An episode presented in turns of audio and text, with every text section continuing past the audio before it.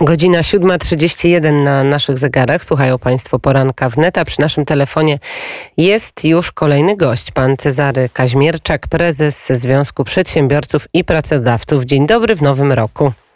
Dzień dobry. Panie prezesie, to może zacznijmy od Polskiego Ładu. Polski Ład wszedł w życie 1 e, stycznia. Jak e, pan ocenia, bo Polski Ład, e, jak wiemy, ma dużo przeciwników, jak i dużo zwolenników, ale to, co w sumie zaskoczyło, to, że Polski Ład może trafić do Trybunału Konstytucyjnego. Chodzi o emerytury. Co pan sądzi o tym, o tym wątku? Znaczy, ten wątek emerytalny to w ogóle się źle skończy dla wszystkich. E, albo wprowadzimy, e, wprowadzimy e, głosowanie rodzinne, które przy tych trendach demograficznych spowoduje to, że będziemy jakoś patrzyli w przyszłość i będziemy wybierali polityków, którzy patrzą w przyszłość, albo utrzymamy obecnie to, co się dzieje i spowoduje to, że krajem będą rządzić emeryci i zajmować się e, partie emeryckie i będą zajmować się wypłacaniem e, sobie różnego rodzaju świadczeń. Jest to, od, od lat to podnosimy ten temat, że, że, trzeba coś z tym zrobić, bo te trendy demograficzne powodują no, wielką zmianę E, w polityce. No i to jest jeden e, z objawów tego. No tutaj to jest, wydaje mi się, e, taka no, gigantyczna też porażka polityczna Prawa i Sprawiedliwości, że główni beneficjenci tego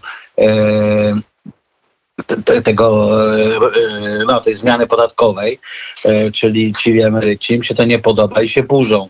Przestrzegaliśmy rząd, wielokrotnie apelowaliśmy przed tym, że jest to Y, reforma głęboko nieprzemyślana i niedopracowana.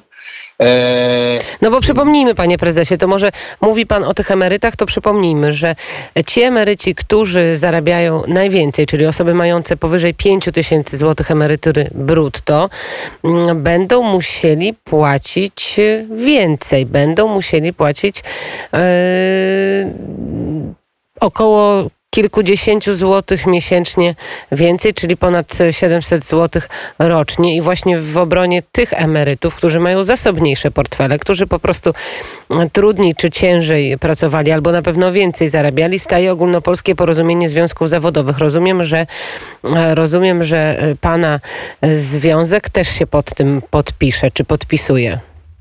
My do tego akurat nie będziemy się wtrącać. No, my mamy inne problemy z Jakie? Polski, Polskim Ładem. E, no, żeby nie, nie, tylko nie, nie krytykować tego. No, Polski Ład realizuje wielole, wieloletnie postulaty e, różnego rodzaju propaństwowych sta, e, środowisk, żeby zmniejszyć opodatkowanie ludzi najmniej zarabiających w Polsce. I tak się dzieje. I tak się e, to dzieje poprzez kwotę, zwiększenie po raz pierwszy w istotny sposób kwoty wolnej od podatku do 30 tysięcy i podniesienia drugiego progu do 120 tysięcy i to bardzo popieramy. Natomiast e, e, czego e, nie popieramy z punktu widzenia przedsiębiorców oczywiście i naszej organizacji w Polskim Ładzie, to po pierwsze nie popieramy sposobu, w jaki jest to napisane i metody, w jaki jest to napisane. Jest to reforma głęboko nieprzemyślana, napisana na kolanie, która będzie powodowała wieloletni spór sądowy pomiędzy przedsiębiorcami i organami skarbowymi. Przedsiębiorcy nie wiedzą, jakie mają płacić podatki. Jest to wszystko tak skomplikowane, tak zagmatwane, że polski system już nie będzie jako jeden z ostatnich trzech systemów najgorszych w OECD oceniany przez organizacje międzynarodowe, tylko jestem pewien, że będzie już ostatni. Będzie najgorszym systemem podatkowym w OECD i nie ze względu na stawki. A gdzie ten chaos, panie prezesie, prezesie się pojawia? Mówi pan o tym, że to jest wszystko za bardzo skomplikowane. To gdzie się skomplikowało? Na którym etapie najwięcej komplikacji państwo widzą i gdzie te obawy najbardziej są no widoczne? Chwili, no to w tej chwili największy problem jest z tym podatkiem zdrowotnym, no bo e, od różnych form zatrudnienia od nakładających się. Nie do końca wszyscy wiedzą, w jaki sposób to obliczać i będzie tam pełno sporów. Natomiast system podatkowy tutaj PiS nie jest jakimś prekursorem tego, czy, czy jakimś wielkim przodownikiem w zakresie komplikowania systemu podatkowego. To się dzieje w Polsce tak naprawdę od drugiej połowy lat 90., gdzie ta sytuacja się tylko pogarsza.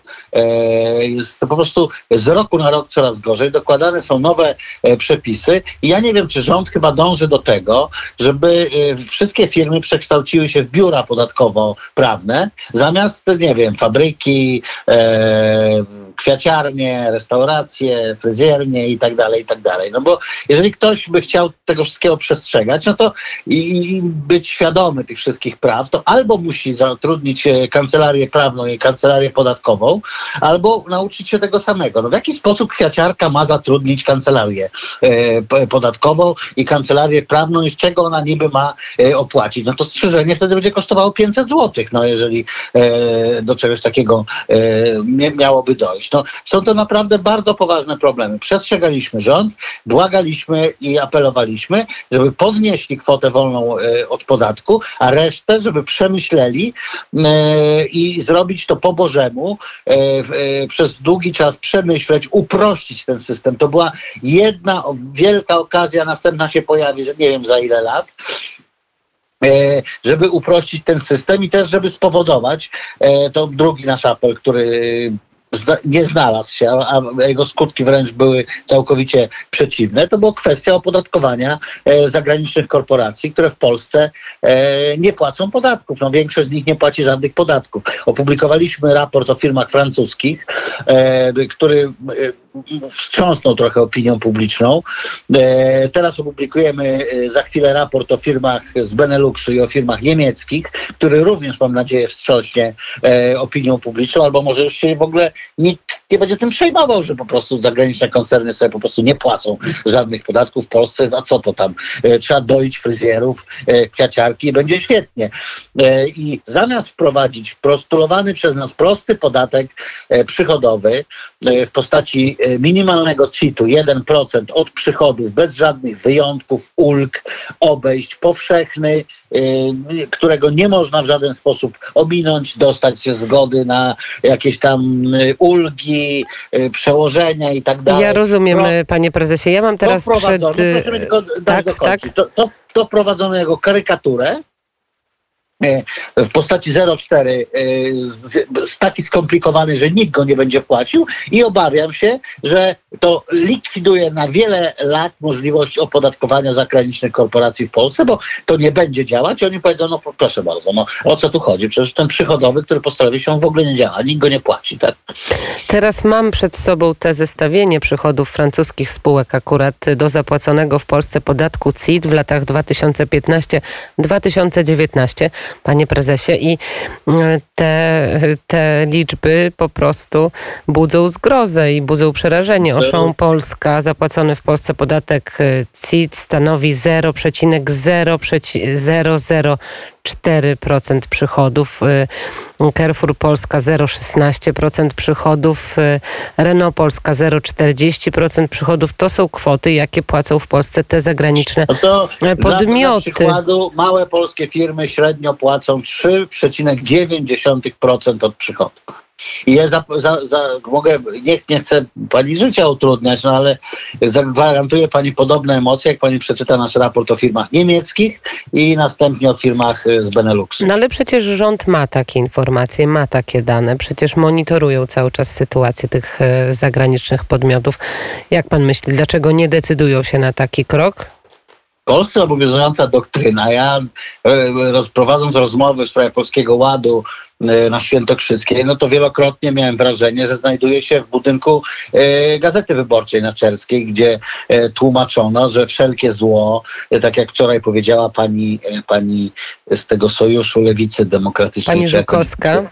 Tak, tak, że. Pani że poseł Żukowska, tak. To tam jeszcze można usłyszeć, że to główne źródło oszustów, e, że Polacy to oszukują w ogóle, e, nieuczciwi są i to z, o, z ich problemów, a tam ci producenci, no, no nie płacą, no ale oni są innowacyjni, e, oni tu technologię przynoszą, oni tu inwestują. No Gazeta Wyborcza, no tam e, e, główną doktrynę świętokrzyskiej kształtuje Gazeta Wyborcza i myśl Gazety Wyborczej, że Polacy są złodziejami, oszustami, kretynami, a wszystko, co na zachód od Odry, to jest po prostu To święte. jeszcze zapytam się pana prezesa, jak to wygląda na zachodzie Europy, jak te duże korporacje, jak Mich- Michelin Polska, czy właśnie Decathlon, e, czy Renault, czy Orange, które są między innymi w tym, w tym zestawieniu, płacą podatki w innych krajach, w Niemczech, we Francji, jak to wygląda? No, na przykład Orange e, Polska e, e, e, ma taką chyba strategię, że płaci 1% od przychodu